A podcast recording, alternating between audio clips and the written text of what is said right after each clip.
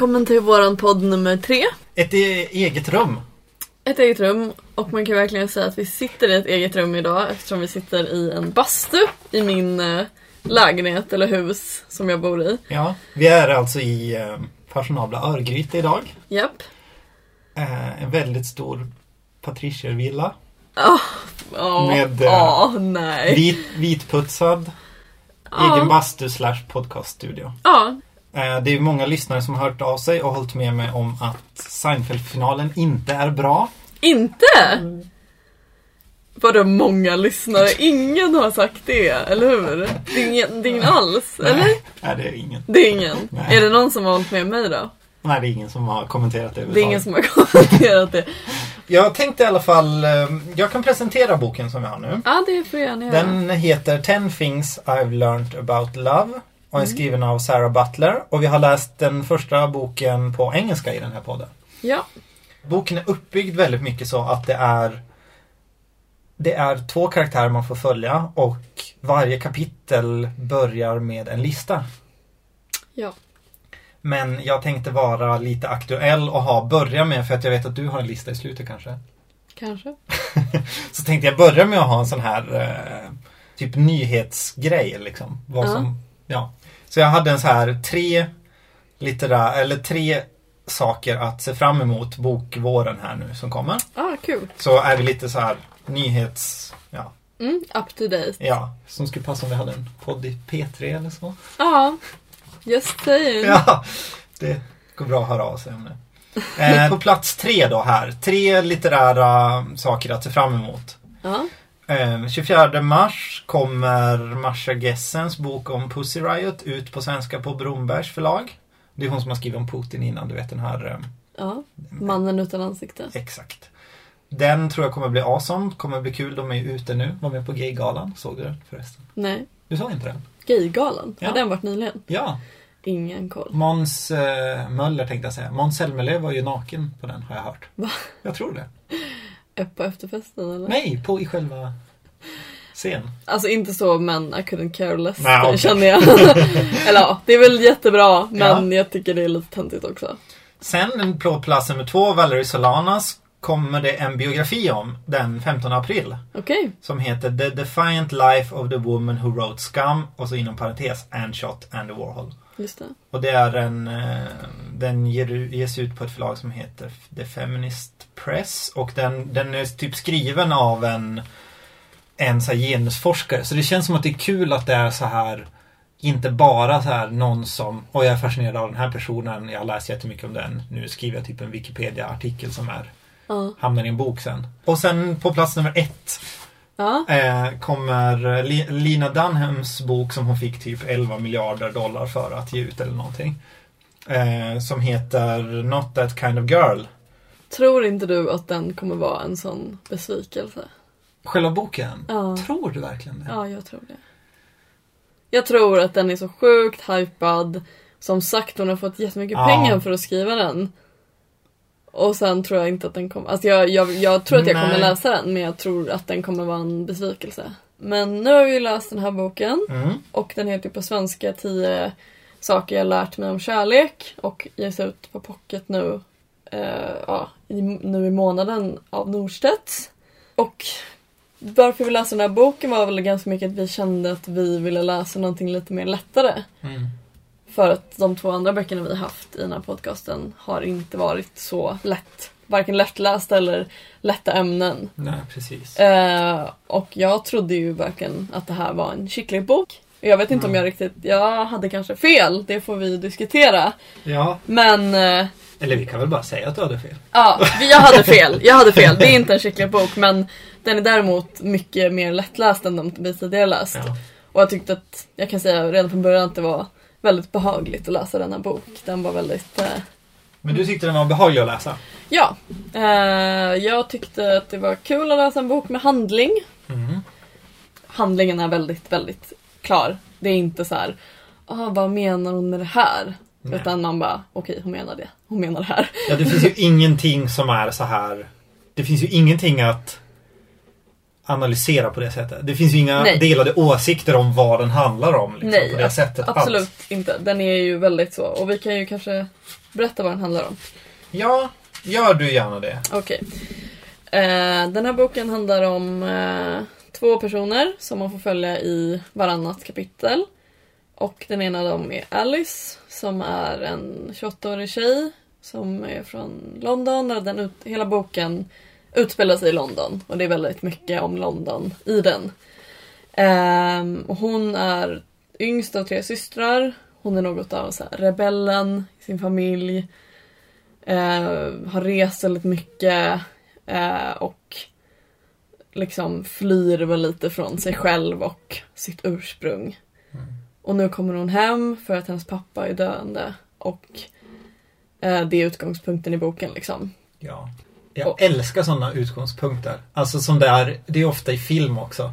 Ja, Någon kommer hem till sin gamla också hemort. ja, För att eh, pappan eh, liksom har ju bott kvar i samma hus som hon har växt upp också. ja.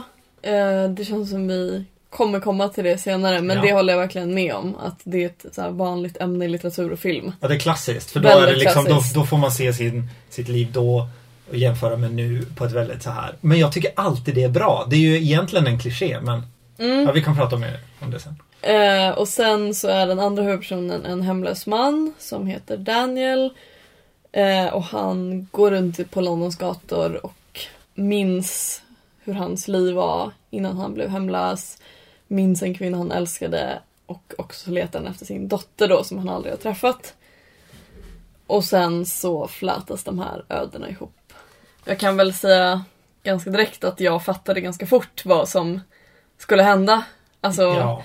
det är inte jättesvårt att räkna ut hur de här människornas öden kommer flädas ihop. Det förstår man efter typ 40 sidor kanske. ja, det Eh. var nog ungefär exakt liksom så. Ja. sidor. Vilket inte gör den till en dålig bok. Nej men eh, vad tänkte du när du fick veta det så snabbt egentligen? Eh, jag har inget problem med spoilers. Nej. Jag tycker inte att om jag ser en trailer för en film, jag tycker inte att det spoilar filmen, jag tycker inte att det spoilar boken, att man typ som kan säga att någon lyssnar på den här podcasten och får reda ganska mycket på boken. Ja. Jag tycker inte att det brukar Nej. spoila för att det är ju så himla mycket mer än Ja. vad man får veta. ja. Men vi kan ju säga det då kanske att om Ja. man är super spoilerkänslig Ja, så är det, och vill läsa den här boken så kanske det är bra att typ läsa den först då. Ja. Eller de första 40 sidorna och sen komma tillbaks. Den är ju inte uppbyggd så att det gör någonting om man vet om vad som händer. Men man kom, det går inte att prata om den utan att Nej. spoila liksom. Daniel är alltså Alex pappa. Och eh, han har haft en affär med hennes mamma när hon var gift med vad Alice tror är sin pappa liksom. så att hon har, Mm. hennes syskon, hennes två systrar, de är eh, liksom ett verk av mamman och pappan medan hon är då har ja, en annan pappa och det är han den Ja. här hemlösa mannen. Och det fattade man ju väldigt fort. Nej men jag vet inte, jag tycker inte att det gör så mycket. Eh, men samtidigt kan jag tycka lite att jag tyckte att det var, men ah, vad fan, kunde inte dolt det lite mer? Alltså för det blir så jävla obvious liksom. Alltså om, om man nu ska få veta det ändå så snabbt Ja, så var, är det ju ändå bra därför att Alice här som det handlar om, Ja. hon vet ju inte om att den pappa hon har vuxit upp med inte är hennes biologiska pappa. nej. Det vet ju inte hon. Hon anar ju det, men hon ja, hon ju har inte ju något på känn sådär Ja, kanske. ja, Men det är ju ingen issue, det är ju ingenting som vi får följa sådär att hon har ju fått veta ganska sent för hon har varit i Mongoliet ja. Och typ hittat sig själv och backpackat med sin rucksack. Hon har inte hittat sig själv tycker Nej, hon jag. har ju försökt. Ja, hon har försökt, hon har inte lyckats. Och de har ju inte fått tag på henne så att när hon kommer hem har det ju gått ganska långt med den här sjukdomen. Ja, Så hon börjar ju med att ha dåligt samvete för att hon är där för sent och pappan är jättetrött och li- sängliggande och liksom sådär. ja. Och mumlar lite diffust. Alltså pappan dör ju väldigt fort i den här Ja, han dör boken. jättefort. De hinner ju knappt, de har ju två samtal i boken typ innan han dör. Mm. Och jag vet inte, jag tyckte det var lite synd. Eller alltså det är ju liksom en del av boken att hon inte ska ha sagt det hon ville säga till honom. Mm. Men alltså man, man som läsare hann liksom inte ikapp riktigt med, med liksom den här grejen med hennes pappas sjukdom. Att det kom liksom lika, lika abrupt för en själv som för henne att han dog. Och så är ju livet Ja. och döden, men ändå. Jag tycker det är ganska naturligt hur det ska vara för de pratar aldrig ut. Hon, hon lägger så himla mycket kraft i att be om ursäkt för att hon är sen och förklara att "Ja, jag hade ingen mobiltäckning i Mongoliet. Ja. Det är lite sånt hon pratar om. Ja. Och det, jag tror det lätt kan bli så att man bara, ja men nu är det dags att säga allt det här. Hon tänker ju mycket på tillbaka på gången när hon borde visa mer eh, entusiasm för saker. Till exempel att han ville att hon skulle hjälpa till i trädgården med honom och dela det intresset och sådär. Så det är mycket sånt där hon tänker på men hon säger ju ingenting om sånt. Hon säger ju bara sådär att ja, det är mycket praktiskt. Ska du Ja. inte äta? Jag Ja. hade dålig mottagning och så är det liksom helt plötsligt är han död och det har liksom inte varit någon konfrontation och känslomässigt utan det är bara, han är bara borta och sen blir det det här praktiska med begravning och sådär. Du har ju helt rätt. Det är ju sant att det är så. För det är mycket i dialogerna som jag tycker är som jag tycker är så jäkla bra i den här att det är mycket att de som när man pratar speciellt om saker som är lite jobbiga att de pratar förbi varandra. Ja. Att den ena vill prata om något märker man. Det känns som att de ofta är på fel våglängd. Eller de är inte på samma våglängd. Det är liksom att någon vill prata om de praktiska grejerna. Och någon vill prata om de känslomässiga grejerna. Och då Ja. gör båda det i samma dialog. Och jag tycker det är så bra för att det är klart man kan gilla en bra dial- snappy dialog liksom. Men Mm. då tycker jag den ska vara så himla bra för att folk pratar ju inte på det sättet. Man pratar ju inte ens i hela meningar, eller oftast inte. Nej. Och speciellt inte om man är i en känslomässigt utsatt situation som det är att ens pappa ligger där och Ja. liksom tynar bort. Då är man ju inte så här att man kommer med så här perfekta lines och alla bara är lyhörda. Så det tycker jag är jätte, jättebra på ett sätt som, om man säger i svårare litteratur eller i, som anses vara finare, ofta misslyckas med. Liksom. Ja. Jag har också tänkt på det att de går om varandra ganska mycket i dialogerna och att dialogerna är bra. Ja. Ehm, Det tycker jag verkligen speciellt när Alice pratar med sina systrar. Mm. Eh, Eftersom de tre utger, ut, är ju ganska tre olika personer Mm, mm. verkligen som har väldigt olika syn och motiv med vad de vill göra Mm. med eh, allt i sitt liv och typ med pappans hus och sådär. Det är en syster, Si, hon Just är ju det. väldigt eh, eh, tror, är hon stora systern? Jag tror, Ja, det är hon ju. Hon är så här trebarnsmamma. Har, har fast jobb, liksom heltidsjobbande. Ja, Och hus. Hon är ju verkligen sådär. Och det är typ hennes grej hela tiden. Som att, men jag har minsann allt det här och du är ju bara någon flummig backpacker typ. ja, Mellan raderna. jag tänker att vi kan prata lite mer om henne Mm. sen för att jag tycker att porträtteringen av henne är lite problematisk. Ja. Eh, men att alla de i alla fall har väldigt olika ståndpunkter. Mm. Och också mycket med vad de vill göra med pappans hus. Vilket är väldigt så här sorgligt att när någon dör så börjar det direkt handla om pengar och eh, Mm. Alltså praktiska saker. Alltså man förstår ju att det gör det men det är ju inte det som egentligen ska vara fokuset känner man ju. Nej. Att okej, ska du ha den här? Ska jag ha den här? ehm, typ grejer och Ja. hus och lån och pengar och ja, så vidare. För de kommer ju liksom överens då efter att ha gnabbat om det liksom att det är huvudpersonen Alice Ja, som ska ha hand om husförsäljningen och eh, göra liksom, vad heter det, homestyling. ja, Och typ måla det vitt och ha lite citroner framställda typ på ett bord. Nej men sådär. ja. Göra om köksluckor och allt sånt för att det ska gå att sälja lättare. Och då är det på något sätt som en, det är då först han dör definitivt lite grann. För det är lite så här att hon säger flera gånger, det känns som att jag suddar ut min pappa nu, eller pappa. Ja, Och att det sitter ju ändå så mycket, sak, eh, så mycket känslor i saker. Att vi gör ju ändå de kopplingarna väldigt mycket. Och det är ju egentligen helt... Men det är som att man griper efter halmstrån. Att den här har i alla fall varit i kontakt med honom när han var levande. Så därför har den som en känslomässig koppling även för mig. Att det går att överföra på något sätt. ja men hon säger ju ganska många gånger i boken typ så här. Nu får jag sluta, det här är bara ett hus. Så här, det här är ingenting annat. Ja.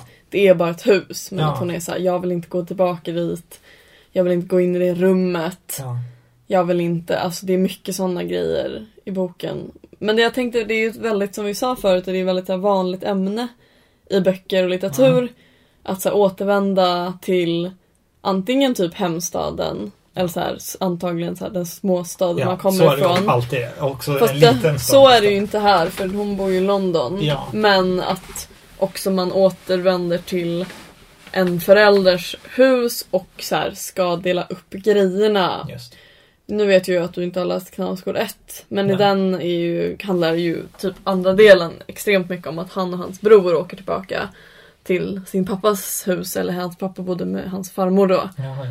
och ska rensa upp där.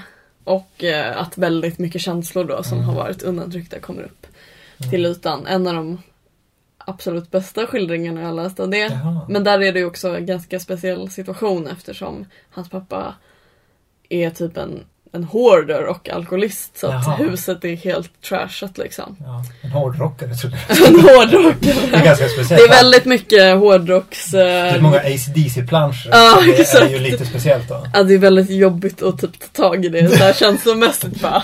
Det var ACDC, det var pappa. Nej, men har du några andra exempel på... Jo, men det var det jag tänkte. Att, för det Mm. börjar ju liksom där med huset och kopplingen. Mm. Och sen handlar det ju mycket om den här Daniel också som är den andra perspektivet vi får följa. Ja, vi får precis. följa Alice och vi får följa Daniel. Och Daniel är ju hemlös och det är ju, finns ju ett kapitel som börjar med en lista på tio saker han äger. Ja, Och det är ju liksom i stort sett bara tio saker han äger kanske. Ja. Totalt. Alltså om man... om- Och det är för det är liksom en plastpåse med där och det är liksom såna här pyttegrejer. ja, Och där ser man ju också så här ändå våran föremålskult som man ändå har, vilken roll det spelar. Att hemlöshet liksom är ju också beskrivet i den här tycker jag lite som en frånvaro av att, han, att ha saker liksom. ja. Alltså man kan ju väl säga med honom att han är ju inte the regular hemlös, tycker jag. Nej. Han är ju en... Och, nej men ja, han är ju inte det! Nej. Alltså och det tänkte jag också att vi kan diskutera för att Ja. han är ju ingen alkis eller knarkare. Nej. Utan han är ju mer typ en vagabond Mm. som har kanske gjort fel val. Fri själ. Ja men lite så. Ja. Och är hemlös så här, Ja. halvt av egen vilja och det säger han ju själv i boken också. Ja. Vilket kanske inte de flesta som är hemlösa är. Nej, precis. Utan de flesta har ju hamnat på glid för att de har haft problem liksom. Jag, Här känns det ju mycket mer som att det har faktiskt funnits ett aktivt val någonstans. ja, och jag tänker väldigt mycket när jag läste det här. För att man har ju väldigt mycket sympati för honom, Mm. alltså Daniel. Man tycker verkligen så här. åh han är en så himla fin person. Han förtjänar verkligen att vara med sin dotter. Han verkar vara så himla gullig, bla bla bla. Mm. Och då tänker jag så här, skulle man tyckt det om han hade varit en knarkare? I boken om han hade porträtterats som att han, han tänker alla de här grejerna han gör, men sen går han och tar typ en heroinspruta. Mm. Eller han- typ råna någon för att ha råd att äta. Ja, Istället gör för att gå till ett inget- härbärge liksom. Han gör inget sånt, han är typ så här vältalig, han går runt och så samlar på färger Ja. och så här kärleksord. Ja. Han är liksom verkligen så en mysig hemlös som är så här en riktigt fin person som aldrig skulle typ råna någon eller någonting. Och det är ganska problematiskt att han är så himla god och att han är så himla så här.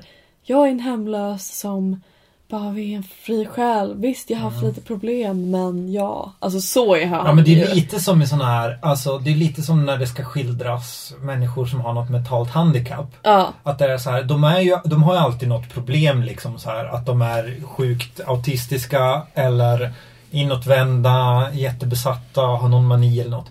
Men så är det alltid att de har så här jätte super naivt förhållningssätt till någonting. mm, Och är typ så här jättegod och så här, det är aldrig någon som bara är så här Ja han är så sjukt otrevlig. Alltså för det är ju klart att det finns människor som har mentala handikapp som man bara, "Ja, men han är inte sympatisk, det har inget med handikappet att göra. Men alltså det är ju en sån berättelse också att vi kan bara berätta om det här om det också är en solskenshistoria. Ja. Eller det är en så god person som vi kan älska liksom sådär. Ja Man precis. vill ju att han ska lyckas liksom. Ja, och jag tänker bara att om hon skulle gjort honom till en alkoholist Mm. eller en knarkare, skulle man tyckt om honom då? Mm. Jag tror inte att man skulle haft lika mycket sympati för honom som person då. Nej. Alltså jag menar visst, det kommer ju episoder där han typ bara Okej, jag dricker whisky. Mm. Men det är ju inte som att han, han verkar ju inte vara en alkoholist i berättelsen. Det antyds ju inte alls det. Nej. Och Han, han, har ju en väldigt moralisk kompass. Det händer ju ingenting nästan som är dåligt som han gör. Nej, utan det som är med honom är väl typ att han haft en dålig uppväxt. Ja.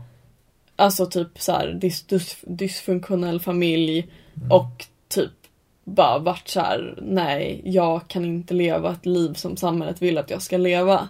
Men han är ju ganska deprimerad får Han man är ju extremt om. deprimerad. För han eh, funderar ju på självmord ibland. Ja.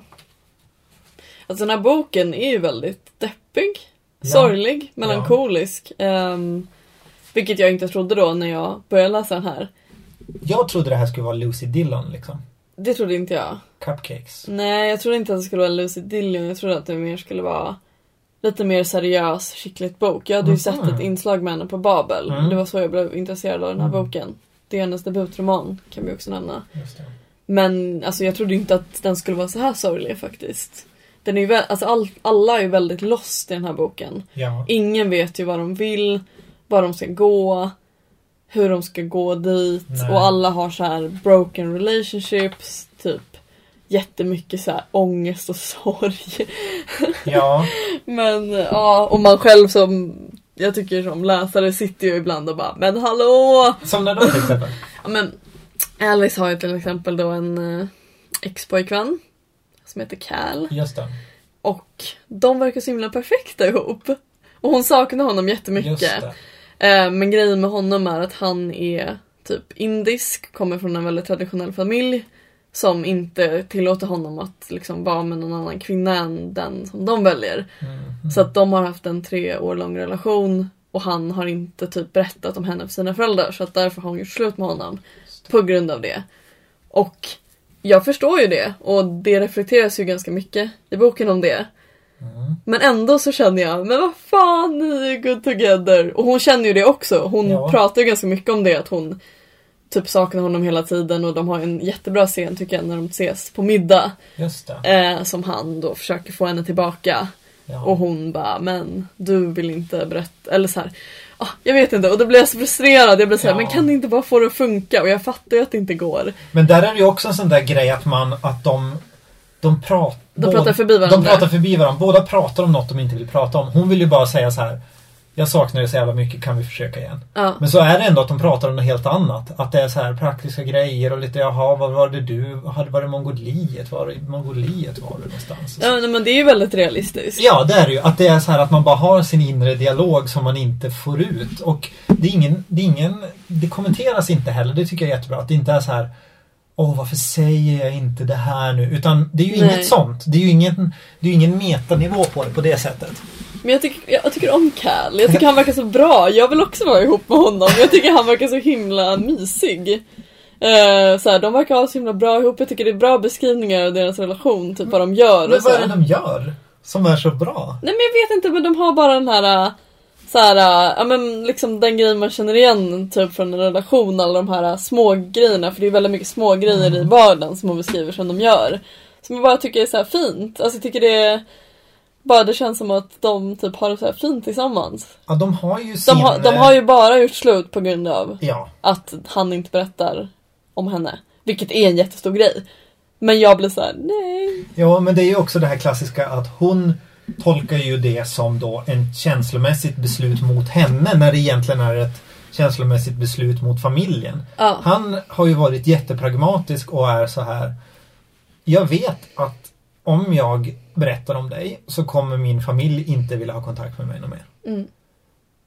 Så vad finns det att vinna på det? Det är bara en konflikt och även fast man har föräldrar som man inte kommer överens med, även om det där är en jättegrej, så kan det ju ändå finnas bra grejer. Det är ju liksom en ganska vuxen syn på det. Att han bara, ja men jag vill ändå ha kontakt med min familj, även om de är så. Ja. Och då är det ju, det är ju bara, det är ju ingenting mot henne egentligen. Nej det är ju inte det. Och det är därför man bara Ja, Alltså, men jag blir så känd, alltså jag blir så här, ja du har ju rätt i allt du säger, men jag tycker ändå inte så. Eller förstår nej du? precis. Att, ja. att jag förstår varför de gör det. ja. Det är ju precis så allting funkar. Det är ju liksom det Ja. som är grejen, att du säger så här. Ja men det är bra att hennes pappa dör, för då är det ju precis som det är. Och jag bara, nej! För det här är en bok och då kan man faktiskt skriva på Jaha! ett sätt som gör att det blir ett bra slut. Ja, just på den här boken så är jag så här, typ jag vill att det ska gå bra för alla.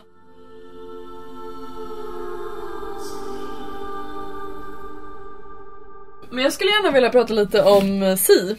Den ena systern. Mm. För att Ja, det är tre systrar. Systrar. Mm. Och Alice är ju då den yngsta. Och hon är som jag sa rebellen. Hon är lite sladdis också på något sätt. Lite sladdigt. Hon är så här: jag är inte älskad. Nej, Så. de har ju hunnit haft ett liv, mamman och pappan, med de två äldre syskonen innan hon föddes. Alltså som alla Ja. kommer ihåg. Mm. Att de har ju ändå varit den åldern liksom, som att de har minnen och sådär av det. Och mamma, det har ju inte vi sagt men mamman är ju död. Tror jag. Mamman är också död, ja. Hon har dött i en bilolycka. Ja, eh, och den bilolyckan hände när hon skulle åka och hämta Alice. Mm. Så att Alice har väldigt mycket så här. det var mitt fel att hon dog och pappa vill inte titta på mig efter det hände. Och sådär, vilket man sen kanske fattar då att det är för att hon är en bortbyting. Nej, hon är ingen En, eh, bortbyting, hon är en, en bastard. Ja, det är det. Hon är eh, ett UR, som vi säger i Norrbotten. Va? Utom äktenskapligt. Ja, exakt. Så att eh, hon är ju liksom produkten av en affär som hennes mamma hade och nu får han ta hand om de spillrorna, vilket är hon Just det. och det är inte så kul. Nej men alltså. Okej, det var ju taskigt sagt. Men det är så hon känner i alla Ja. fall och det är ju så, det är ju sant, men hon vet inte det. Nej. Och sen är det typ mellansystern som heter Tilly som är lite så här medlaren mellan Alice och Si som är den äldsta systern. Och Si är ju liksom, jag tycker också att hennes porträtt blir lite problematiskt för att hon är så himla så här den klassiska så här, elaka bitch-systern. Som är så här. Ja ah, men det här är inte rätt och du tar fel beslut nu och du gör inte det rationella och Mm. väx upp, skaffa ett jobb. Alltså hon är väldigt så. Och jag menar visst, det är ju så, alltså man får ju se det från alles perspektiv. Mm. Så att det kanske inte är så hon är egentligen. Nej. Och man får väl kanske lite andra grejer på henne i boken. Att hon säger så här, lite oväntade saker. Men annars har hon ju väldigt mycket det porträttet. Och jag tycker att det kan vara också bli lite klyschigt. Men hon är ganska klassisk stora syster sådär. Att hon ska ju vara mamma då. Eftersom mamman har dött så vill väl hon vara mamma åt de andra två. Jo, men hon är verkligen, hon är en bitch liksom. Alltså hon är ganska Ja. elak typ. För det är ju att den mellansystern blir gravid. Mm. Och att hon, och då är hon gravid med en man som, alltså hon är hennes älskarin, hans Ja. älskarinna. Och En han, ett UE. Ja. Slash bastard. exakt. Och hon, Bastard? Vem säger det? Bastard? du vet ju att jag säger många om orden Ja, du, jag har det. Du har någon sorts här 1800-tals eh, människa i dig som bara... Ja, det är jättehärligt, Ja. eller hur? Eh, nej men, eh, att hon är ganska taskig då när den här systern har blivit gravid och bara Ah, Mm. typ Jaha, ska du behålla barnet eller varför det? Typ ungefär. Ja. Kommer han bry sig? Kommer han ens betala? Alltså så här. Det är ganska okänsligt att säga till någon. Ja. Alltså även om den, jag vet inte. Jag tycker så här. Skulle, alltså kom, är hon verkligen så elak? Eller är det liksom att hon har behövt göra det i berättelsen för att det måste vara någon som är den där. Just Och det är så typiskt att det blir stora syrran som får ta den så här demoniska rollen. Jag tycker att det känns lite synd. Alltså den är ju ganska klyschig på det sättet Ja. att hon har väl, vad är det, tre barn eller någonting. Ja. Och, och hela familje, liksom hetero-drömmen sådär. Ja visst. Och det, det sägs ju aldrig, men det blir ju lite på något sätt som att de två yngre syskonen gör ju kanske det som hon vill göra. Mm. De lever ju lite mer som de vill, lite mer eh, okonventionellt. Liksom. Ja. För att hon då som, som är mellansystern till, hon har ju en affär med en gift man och är nöjd med det. Ja precis. För att hon säger så här, jag vill vara det roligaste i hans liv. Mm. Och inte vara vardag och inte vara liksom sådär. Utan jag vill bara ha så här, när vi träffas, då är det fest liksom. Att leva på det sättet kanske blir som ett ifrågasättande för någon som har inom citationstecken gjort rätt. Och så här har jobb, familj, gjort alla de här grejerna. Ja, men jag tycker att hon kunde gjort hennes karaktär lite mer ja, men nyanserad. Ja, ja. Precis, att, att hon kunde vara lite mer nyanserad. För nu blir det så himla lätt att man bara Den där Si, vad otrevlig Ja. hon är, vilken bitch typ. Jag menar hon är ju inte en bitch, hon har ju en, det finns ju en anledning till att hon är som Ja. hon är. Är det inte för att hon liksom av omtanke, hon vill så här inte att hon ska bli sårad och lämnad med ett barn? Jo men det är såklart att hon säger det men jag tänker ändå att Jag vet inte, det är bara så himla typiskt liksom. Mm, ja, Det det är det. hade... Det är lite karikatyr. Lite karikatyr, eller hur? Ja. Men hon släpper ju efter ansvaret till Alice med att ta hand om hela huset. Ja, fast hon tycker ju det är jättejobbigt. Hon tycker det är jättejobbigt och kommer med åsikter hela tiden och sådär. Varför gör du inte så och så? Hon vill ju göra det på sitt sätt liksom. Ja, Hela tiden. Väldigt så kontroll. men hon är ett kontrollfreak. Liksom. Hon är kontrollfreak, ja. Men det är så vanligt också att så här. Ja, nu är de ju systrar liksom. Men att det är så här. Den här typiska så här bitchiga kvinnorollen som hon har fått ta. Mm, Typ. jo. Att hon är den som bara, men tänk på det här. Ja. Ja, jag vet inte. Om man säger som karaktärerna i Sex and the City. Mm. Där är det ju alltid att de har lite både och. Alltså vissa kan vara lite dömande men jätteförstående. Alltså att det är mer så här. Det är inte en sån här Askungen Disney-karikatyr att här är den onda, här är den Nej. fördomsfulla, här är den snälla, förstående, här är den öppna liksom. Utan det är ju i Sex and the City är de ju mer så här.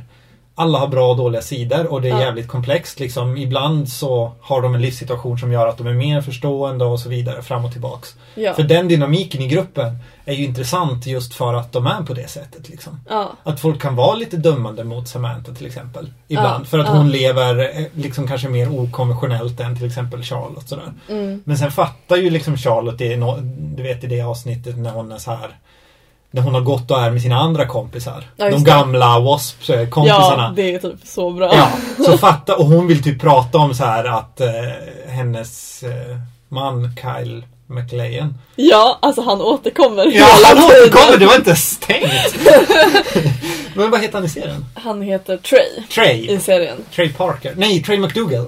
Han är ju skott i Han serien är ju också! det! Herregud. Charlotte, you're a McDougal now. Ja, och gud Bunny är typ min favorit i the City. Ja, men där är det ju liksom ändå så att när hon då har varit och träffat sina Hamptons rika gamla W.A.S.P-vänner. Ja. Så fattar hon ju liksom att okej, här är de ju verkligen stuck up och så himla endimensionella.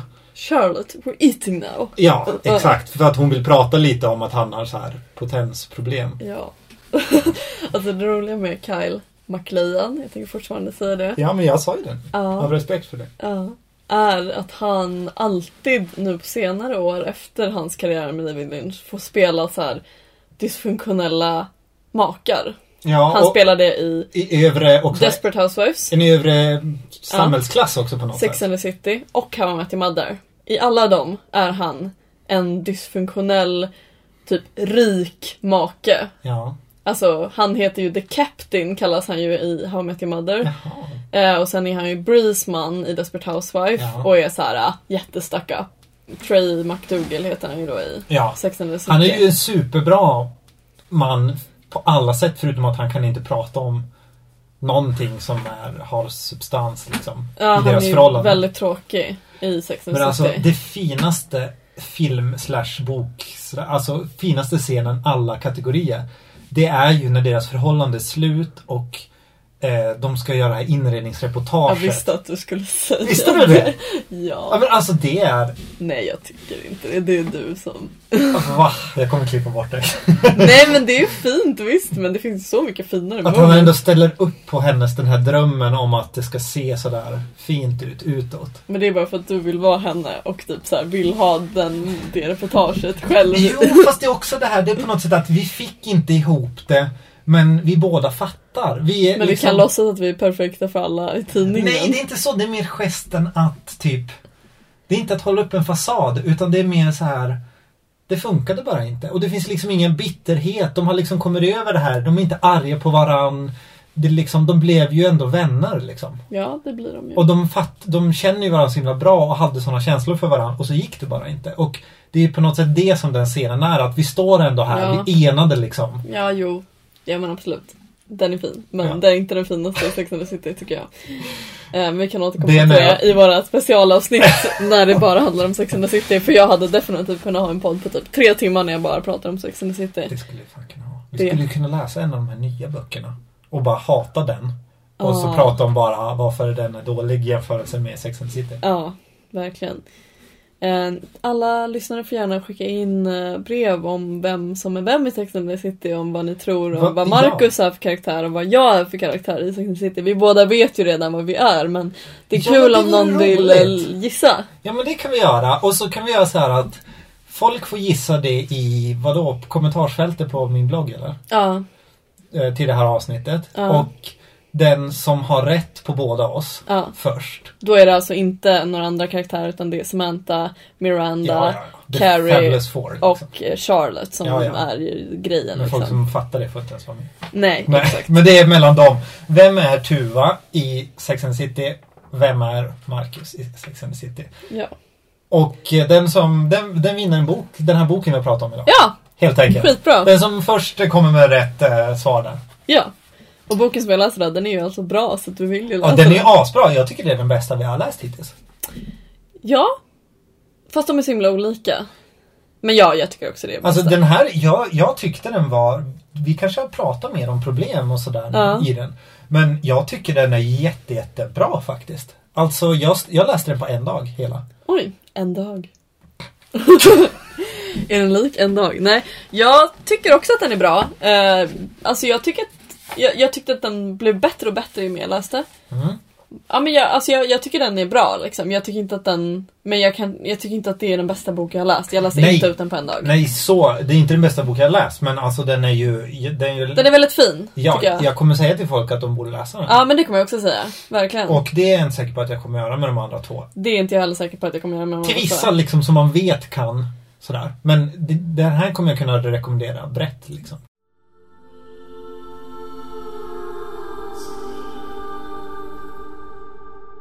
Jag tyckte det var så himla himla bra det här med listor var jag faktiskt lite skeptisk till. För det känns som en 90-talsgrej. Att ha listor i, okej jag har inget emot 90-talet så men Men det känns lite som såhär Nick Hornby Ja just det. sådär, åh här är de bästa låtarna. Man bara, ja men det var kul en gång liksom. 1995 när Anders var Lokko det- var statsminister typ. Det var ju det som fick mig att vilja läsa den boken för att jag älskar typ när man bygger upp saker med listor. Ja, Så att, eh, och det tyckte jag verkar skitbra. Men för ja. jag tyckte det var så bra att hon använde det till att till exempel som jag har sagt redan, när hon ska beskriva Daniels hemlöshet ja. så beskriver hon inte den här vardagen som att som jag tycker man ser i andra skildringar att ja, jag går och det här är svårt att hitta mat på det sättet, så här går det till på Homeless shelter. Mm. Här är allt liksom, alltså det är ju inga sådana målande beskrivningar utan ganska tidigt så kommer en lista bara med till exempel saker han äger. Ja. Då fattar man så himla tydligt att okej, listar man liksom en plastpåse och typ en ett kuvert där man har en teckning på. Då har man liksom inte så mycket grejer. ja. Jag tycker man får en sån bra bild. Jag kan inte riktigt förklara kanske bra, men jag tycker man får en mycket, mycket bättre bild av det när man radar upp det. För det fanns något Mm. tydligare exempel också. Vi ska se. Jag ska bara kolla det innan. Typ som så här. 10 reasons to hate my sister och så inom parentes C. Och då är första punkten. Her bathroom tiles have pictures of dolphins on them. Eh, alltså det säger så mycket mer om en karaktär Ja. att bara ha den linjen. Då känner jag direkt att, och det är ju baserat bara på mina fördomar. Mm. Men jag känner ju direkt att okej, jag vet exakt vilken person det här är. ja. Som har det liksom. Vad är det mer hon har till exempel? Men jag tänkte också på en annan grej som var Mm. henne som jag strök under. Som var, det handlar också om Si då, hur Alice ser henne. Mm. She is the, is the sort of person who winds the cable around the adapter every time she finished using it. Jag bara gud vad Ja. det är en person jag Alltså, känner igen. det är enda grejen jag har faktiskt skrivit upp av citat. Du har också är- skrivit upp det? Ja, jag ska se, eller tog jag inte med den? Vi ska se här. Jag måste bara få visa liksom för att det var så himla bra tyckte jag. Det är också en sån där skildring som jag tror att fattar man inte den skildringen då är man typ en sån person. Absolut. Eller så är man helt clueless liksom. Ja. Jag tyckte det var en sån här, jo här, det är typ en sån som virar sladden Ja. runt laptop-adaptern. ja. Och det är så här, man bara okej, ja men då, det var en väldigt bra beskrivning för att Ja. du och jag fattade direkt, jaha, Ja. det är en sån. Ja, det är ännu bättre än det där Ja. med bathroom tiles liksom. Ja. Det säger allt liksom. Och att man också vågar göra det till bara en mening och tänka så här att okej, folk får fatta det här nu.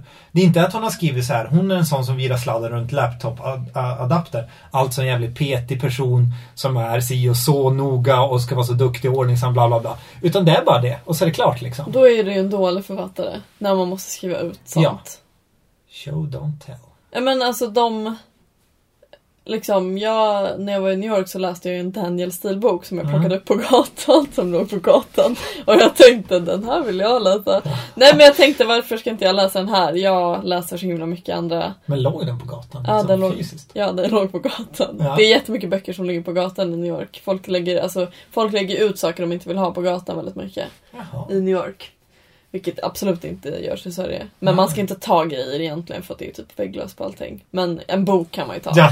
För att det ser man ju om det skulle vara något på. Men i alla fall så läste jag den. Och den var ju så här, den var lättläst. ja. Liksom, och den var ju, alltså, den var ju inte så här bra. Men den var ju ändå liksom, jag hade inga problem med att läsa den. Jag Mm. tyckte det var ganska trevligt medan jag läste den. Men hon skriver ju ut exakt allt. Ja. Alltså verkligen så här exakt allt. Och det blir så himla, alltså det, och det kanske inte kommer som en överraskning för någon att hon gör det, Daniel Steele. Hon är en av världens mest lästa författare. Mm. Eh, och skriver ju inte så här, absolut inte erotiskt, men ganska så här äh, relationer, typ Ja, ja. överklass, mycket sånt. Och den här handlade ju också om det, den hette Sunset in Saint-Tropez heter den. Åh, det låter ju som en... Det låter ju bra, eller? det låter ju typ som en François Sagan-titel. Ja, verkligen. Eh, Den. Men att hon skriver, hon skriver ut exakt allting. Alltså Ja. verkligen så här. Bara, han blev arg när, eller så här, typ, hans fru dör i början, liksom, Mm. huvudpersonen. Och det bara, han blev ledsen, typ. Och man Mm. bara, men alltså hur fan kan han inte, det är såklart han blir ledsen, du behöver inte. Alltså du Nej. vet att man sätter så här, bara, du behöver inte skriva ut det, jag Nej, fattar nej. liksom. Och jag tror att alla andra som läser Daniel Steele som kanske inte läser lika mycket som jag skulle också fatta det. Ja. För att alla fattar det. Sen kanske man behöver skriva ut vissa grejer och vara lite mer tydlig. Men hon är så sjukt tydlig. Men som i den här Jag blir så boken... ledsen ja. över det för att jag känner varför måste hon vara den bästa? Alltså, varför måste hon vara den bästa författaren? Hon skriver så jävla dåligt liksom. Eller hon skriver inte dåligt språkmässigt kanske men hon, varför skriver hon... Ja, Nej! ja ah. jag förstår. Ja, tycker du han lik sin pappa, den här Daniel? Papp, den, Daniels pappa har ju varit väldigt kontrollerande och hård. Och hållit en depression hemlig känns det ju som. Och han är spelmissbrukare. Ja. Som en annan person i det här rummet. Nej. Eh, han... eh, jag har en fråga om det sen också. Mitt spelmissbruk. Nej, lite. Ja. Eh, nej, alltså jag tycker att man får veta lite för lite om pappan för att kunna Okej. säga att Daniel är lik honom. Mm. Faktiskt. Ehm, nej, jag vet inte. Vad tycker du? Nej, men för jag tänkte mycket på det här som jag blir, det blir jag så himla tokig på. Där, för du brukar säga att du förstår, försöker förstå karaktären och ändå tycker, det här tycker jag. Så. Ja. så Och jag tänker alltid att det är jag som inte bara har fattat och så försöker jag hitta någon förklaring som är jättelångsökt.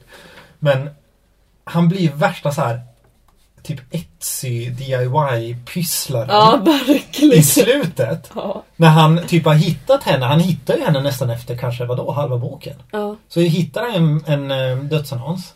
Mm. Och var hon bor och sådär. Och, var, eh, och det han gör då är på något sätt att han lever ut det här mantrat som Daniels pappa hade. Att man måste alltid presentera sig på ett bra sätt. ja. Och han tolkar ju på det sättet som att han måste vika små origami-blommor av så här cigarettpakets... ja.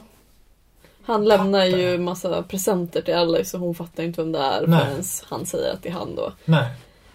Och håller på på det sättet. Han måste raka sig, måste hitta rätt så här kläder och... och eh, det kan jag förstå att han vill presentera sig lite bättre. Men han, det är ju en period där när han bara så här pysslar. Ja. Det är så jävla absurt. Vadå, tycker du det är absurt att han pysslar? Ja men det här pysslet han håller på med. Gå dit och lägga en liten blomma som han har gjort i något. Nu Fast det är ju för att han inte kan säga så här: jag är din pappa, jag älskar dig. Utan då måste han visa det genom något han gör. Liksom. Jo, han är som en hund, han måste så här, typ ha en boll liksom så här, mellan tänderna, tänderna som han bara, kolla vad duktig jag var. Alltså din hundimitation. Okej, vi klipper bort den. ja, önskar att ni kunde ha sett den nu. Den var väldigt vacker. Nej men att jag tror bara att det också det att hon har lagt in det är ju för att han ska bli en väldigt så här, sympatisk fin person också. Att han så här Ah, ja. pysslar, att han, han, han har ju väldigt så här, mycket med att han typ älskar färg och han så här, tar Ja. upp saker från gatan och bara vad fin färg det var på den här tändaren och det är också lite så här Men jag blir så förbannad också för det är så här. Det är ju precis som Si håller på. Stora systern som har kontrollbehov. Ja, hennes intention kanske är så här, jag vill att du ska ha det är ordnat och bra, stabilt för att då kan du ha ett bättre liv. Ja. Och han är ju på något sätt också så här att men liksom strunta i de här jävla färgerna. Hennes, som hon har trott var hennes pappa har nyss dött. Hon kanske behöver liksom omtanke eller något annat mer än någon liten färgglad Men blir du irriterad? origami-grej. Jag blir, jag blir jävligt så här irriterad på den, det sättet att så här, jag visar omtanke genom praktiska saker och inte genom att bara Ja. vara närvarande. Liksom. Ja, jag med. Alltså jätte, det är ju superstört men hela han är ju liksom, han är ju en mes. Han vågar inte säga Nej. till henne att han är hennes pappa. Eh, vilket jag också stör mig på. Alltså jag Ja. vill ju att han ska säga det. Ja. Jag, jag vill ju det liksom. Han är väldigt mycket snackfull. Han, han, han listar ju alla saker han vill säga till henne. Ja, han säger ingen av dem. Och han säger inget av det. Liksom. Fast det är han- ju det är ganska mänskligt att man gör någonting annat. Att man visar, alltså jag menar det är ju liksom det den här boken handlar om också som du har pratat om förut att hon pratar med sin pappa om praktiska saker, alltså hennes, som hon tror är hennes pappa. Och han gör små origamiblommor till henne för Mm. att han inte vet alltså, hur han ska säga. Alltså jag tror att det är för, jag blir så jävla förbannad för att jag typ skulle vara så. För att du är som han. Ja. Okej. Jag skulle lätt vara så här, det måste vara perfekt mötet här. Mm. Och jag måste liksom, alltså man ger allting man kan utom just det man borde ge på något sätt. För det är lättare att så här, göra något praktiskt för någon, tycker jag mycket. Ja men det så är ju du jättemycket. Ja, det är jättedåligt. Som att nu att jag sa att du ska köpa cupcakes och så har du varit på två affärer Jag- för att det inte fanns och jag bryr mig ju inte. Nej. Alltså jag menar jag blir jätteglad om cupcakes kommer men det är inte som att jag så här, nu förväntar jag mig det här. Ja, Och du vill göra det för att du vill säga åh vad Tuva, jag vill göra Tuva glad. Typ. ja exakt. Och det är ju jättegulligt men jag Ja. menar du kan ju bara säga Marcus att du älskar mig. Kan du bara, Ja, nej jag skojar. Ja, men det gör jag ju också. Ja, jo. Jag med. Men det, det kanske... Oj, jag blev lite varmt i den här bastun nu. Nej, men om jag får byta ämne. Faktiskt så har jag en fråga till dig. Mm. Ehm, för eh, vi har pratat lite om Daniel, att han är uteliggare och så. Eh, om, och jag tror ju att alla människor, precis som att alla människor skulle kunna mörda någon, så skulle de ju också kunna bli uteliggare. Mm. För det är såklart att alla kan bli det. Men det finns ju alltid orsaker till att man blir det. Och om du skulle bli uteliggare, vad skulle orsakerna vara då? Om du skulle spekulera? Skulle det vara så här att du drack för mycket, att du tog droger, att du förlorade ditt jobb eller att du kanske till exempel spelade bort alla dina pengar? Eller så. Har du, har du tänkt på det någon gång? Ja, jättemycket. Du har gjort det? Nästan mer har jag tänkt på det än, Mördargrejer? än på hur jag ska göra mig av med lik i bränder och sånt. Du har tänkt på många av de här stora frågorna i livet? Ja, jo, men jag är lite av en... eh, en tänkare. En tänkare, ja. Exakt. En tänkare? Ja, jag ja, men för att det sa väl jag till dig någon gång så här att jag eller sa jag det eller inte? Eh, att jag, jag pratade med min terapeut om att jag Nej, så här var det. Jag sa ju till dig att jag tänker att jag någon gång kommer hamna på ett mentalsjukhus. Ja, just det. Ja, och då sa du det här är kanske något du borde prata med din terapeut om. ja! Och det har jag gjort nu. Ja, Du har det? Ja, Okej, vad sa hon då? och då Tänk om din terapeut lyssnar på den här podcast. Jag har sagt att jag har en podcast. Har du sagt det? Ja. Det är ju helt sjukt. Hej hej! Nej, det hade varit så kul. Hon bara, he is so sick. Ja! He is really sick. Nej, nej, fortsätt.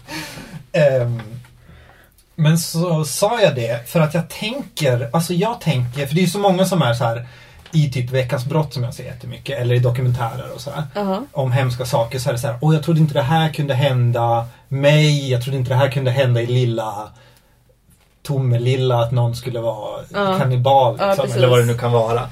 Och jag är bara så här hela tiden. Jag tänker liksom att från ett år bort nu. Det är helt möjligt att jag sitter på mentalsjukhus eller är uteliggare. Alltså jag ser det verkligen som en praktisk möjlighet. Liksom. Det, är inte, det, vore, ja, det skulle inte förvåna mig. Liksom. Okej. Och när jag var arbetslös förut så var jag väldigt mycket så här att jag tänkte på det. Eh, så här hur jag skulle kunna liksom det är väl också för att jag hade sett filmer om det och typ läst den här Sara Kadefors bok om när hon typ bor i sin bil och så. Mhm. Eh, hur man skulle liksom så här, ja men här kan man gå och tvätta sig, här kan man hitta så här så, så här och så här kan man få tag på mat och så vidare. Liksom. Ja, Att jag tänker det som en så här praktisk, jag har liksom börjat lösa de problemen i huvudet. men jag tänker så här att du Alltså för om jag skulle typ förlora mitt jobb eller ha lite pengar. Mm. Då skulle jag kunna bli liksom upplockad av mina föräldrar. Mina föräldrar skulle alltid hjälpa mig. Jag skulle aldrig bli hemlös. Ja. Om de inte typ dog. Ja. Vilket de kommer göra någon gång. Och vilket vi absolut inte ska prata om nu. Nej, men, men såhär att jag känner ändå att jag har liksom, jag har Alltså det här låter så himla, men jag har inget problem att be mina föräldrar om pengar. Eller det är klart att jag inte gör det. Nej, men om Men står mellan om jag hemlös. står mellan att bli hemlös så är det Mm. såklart att jag kan flytta hem till mina föräldrar eller vad Mm. som helst. Men jag tror att du skulle vara så här för stolt för att ens säga det till dina föräldrar. Så du skulle bara 'Everything is fine' Men och så hur- är du typ på Järntorget och typ sover där. Men Och de bara okej. Men alltså hur kan du ha listat ut det här om mig så fort? Ja men det är så uppenbart.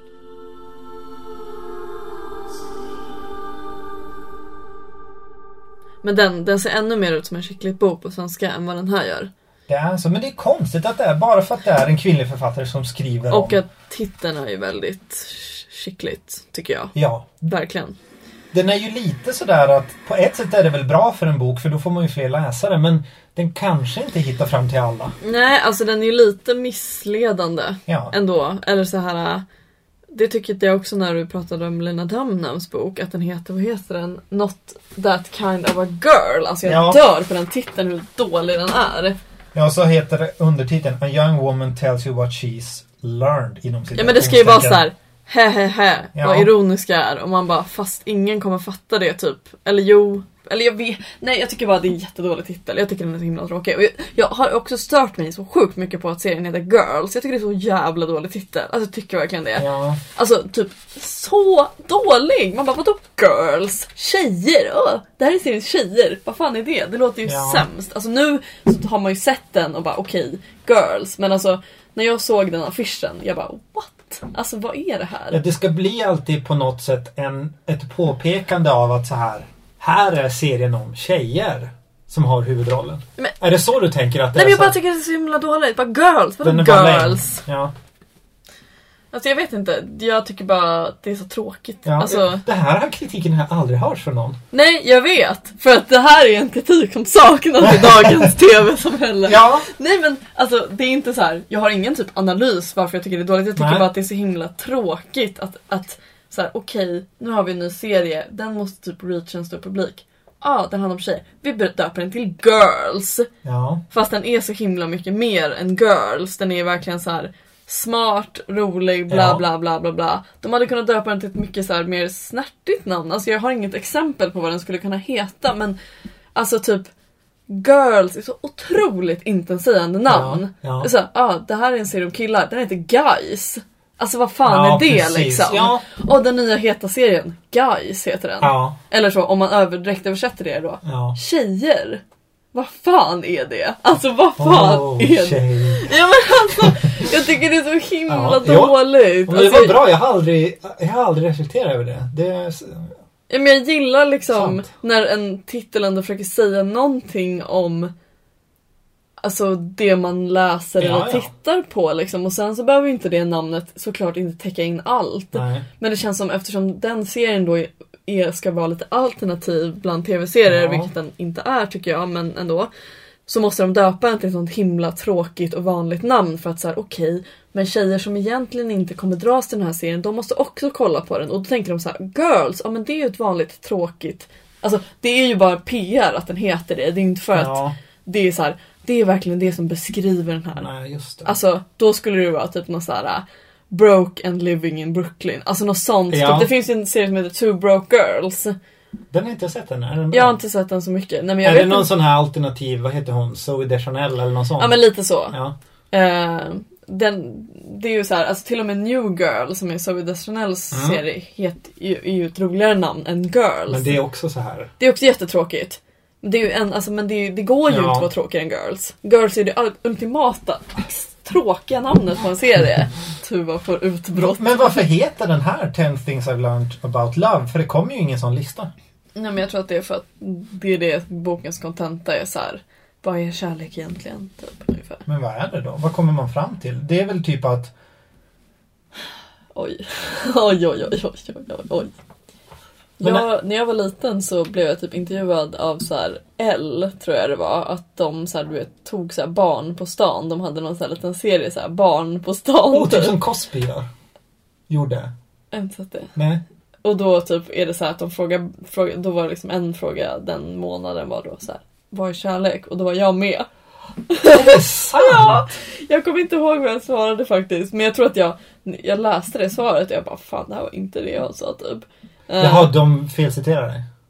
Jag bara ursäkta mig, jag har felciterat. Nej men jag kommer inte ihåg men väldigt mycket så här, du vet som barn svarar på vad kärlek är så är det typ så här. Man tycker om varandra och man kramar varandra och säger så här. Du är fin, du är snäll, typ sådär. Ja. Eller så här, man ringer varandra och säger, säger alltså typ sådär. ja. Så att ja, det är vad kärlek Men är. har du kvar det klippet? Nej, alltså jag har inte kvar det. Jag bara kommer ihåg att någon kompis till mig hade den tidningen och bara Du är med L! Och jag bara ha Men Just coolt. Nej. Jo, det kommer ju komma fram sen när du är känd och bara Redan här? Typ, eh, vad fan, vilken, är det den? Den här eh, Doobidoo, då är det alltid så här, och nu hittar vi ett klipp på den här personen, Ja. typ när den är 16 och Men kollar du sjunger. Doobidoo? Jaha. Men pappa brukar kolla på det. Jag brukar kolla ibland. Säkert. Nej jag har faktiskt ingen TV. Jag brukar dock mobba pappa av att han kollar på Doobidoo. Men det är ju ändå lite mysigt faktiskt. Jag har faktiskt inte sett det, men jag tyckte ju om när Lasse Kronér var i Bingolotto. Nej jag tycker inte om honom. Men däremot tycker jag Doobidoo är lite bra. Jag kommer ut som Doobidoo. Ja, det var oväntat med tanke på att du liksom Alltid när jag säger något om TV så är det bara så här, jag har ingen TV. Ja, Men jag har ingen TV, jag, jag kollar inte på Doobidoo som ofta. Jag kollar Nej. på den när jag är hemma hos min pappa. Och det råkar vara en fredag kväll och jag är hemma och jag inte gör något annat. Men myser ni så här med chips och sådär då? Typ. Eh, nej. Nej men är det så här, nu sitter vi och kollar eller är det bara oj det råkar vara så sitter jag och typ Ja, spelar men när jag var liten var det det. Men nu är det inte så för att jag bor inte hemma. Nej, nej men så sett. Men jag menar när du väl är hemma, gör ni den rutinen? Liksom, Nej. Sådär? Nej. inte så mycket. Vi äter faktiskt inte chips, vi äter typ ost och salami. Men gud vad ni är. Ja, det är så bra. Jag har så bra föräldrar. Va, Men eh, då ska vi börja avsluta. Ja, har du någon lista som du vill läsa upp kanske? Eller du har inga, Nej. frå- du har inga frågor till mig? Nej, inga fler tror jag. Jag har då en lista som jag inte har någonting med den här boken att göra faktiskt. Nej men det har väl varit luddiga kopplingar innan. ja, ehm, den handlar då, den, den har då fått namnet av mig. Tre bokbloggarklyschor jag är trött på. Eh, och Marcus är ju då bokbloggare. Och vet att många som kanske lyssnar på det här är bokbloggare. Allt får stå för dig nu. Så att om jag slår in öppna dörrar här så sue me. ja. Nummer ett. Katter. Eh, don't get me wrong. I am no hater. Alla gillar katter. Nästan. De är jättegulliga. Men över hela bokbloggarvärlden så breder kattälskandet ut sig som någon slags pälsallergi över liksom alla bloggar. Finns det någon som inte har en katt? Nej. Och eh, jag kan också säga att jag tänker inte läsa boken A Street Cat Named Bob. Som vi har på jobbet. Som verkar så jävla Du dålig. tyckte inte den var årets julklapp? Jag tyckte inte det. Nummer två. Jag älskar att läsa, därför har jag på mig en tröja med drumroll. Böcker på! alltså, prata om det. Hashtag prata om det. att man gillar att läsa. En asbra grej. Men måste man ha örhängen, skärp och väska med små böcker på? De är ju bara så himla söta. Nej, det är de inte. Det är töntigt. Och lame. Ja, Kollade så sent som i förrgår på en eh, Jane Austen-tröja, Pride and Prejudice, med en stor påfågel. ah, okej. Det får stå för dig. Ja, ja. Tre. T. Eh, varför är det på något sätt lika med tecken mellan att älska te och att gilla böcker? Jag förstår inte det. Och jag har gjort en lista på drycker som jag tycker att folk borde dricka i kombination med böcker istället. Som hade varit mycket roligare. ja, det är liksom en lista i listan. Exakt. Det är som Inception. Exakt. And it's going to go deeper. We're going to... Ja. Eh, ett. Mjöd. Två. Tequila. Tre. Jolt Cola. Och fyra. Belly Button Yellow Shots. Ah. Det är ju sådana som Peter Sipen försörjer sig på. Ja. Men hur kombinerar man det med läsande? Eh, ljudbok. Fan, du revolutionerar bokbloggarvärlden. Ja. Och bu- bubblare då på listan är eh, Tove Jansson fyller 100 år. Muminhysteri. Ja, jag tror inte jag behöver säga något mer om det. Eh, raggsockor. Och Åh vad mysigt det är att läsa framför brasan i en mysig fåtölj. Punkt, punkt, punkt. Det var min lista. Det är så himla bra att avsluta en bokpodd med ganska snäva ämnen. Med att alienera sig från de enda som kan vara intresserade. ja. Så Ja. So me, Okej, som sagt. men folk som dricker mjöd och eh, shottar från naveln. Välkomna att kommentera vem i Sex and the City som jag och Tuva är och du har chansen att vinna den här 10 things I've learned about love. Eh, andra göra sig icke besvär. Nej. Så- Men, ja. Va? Vad är det? Ja.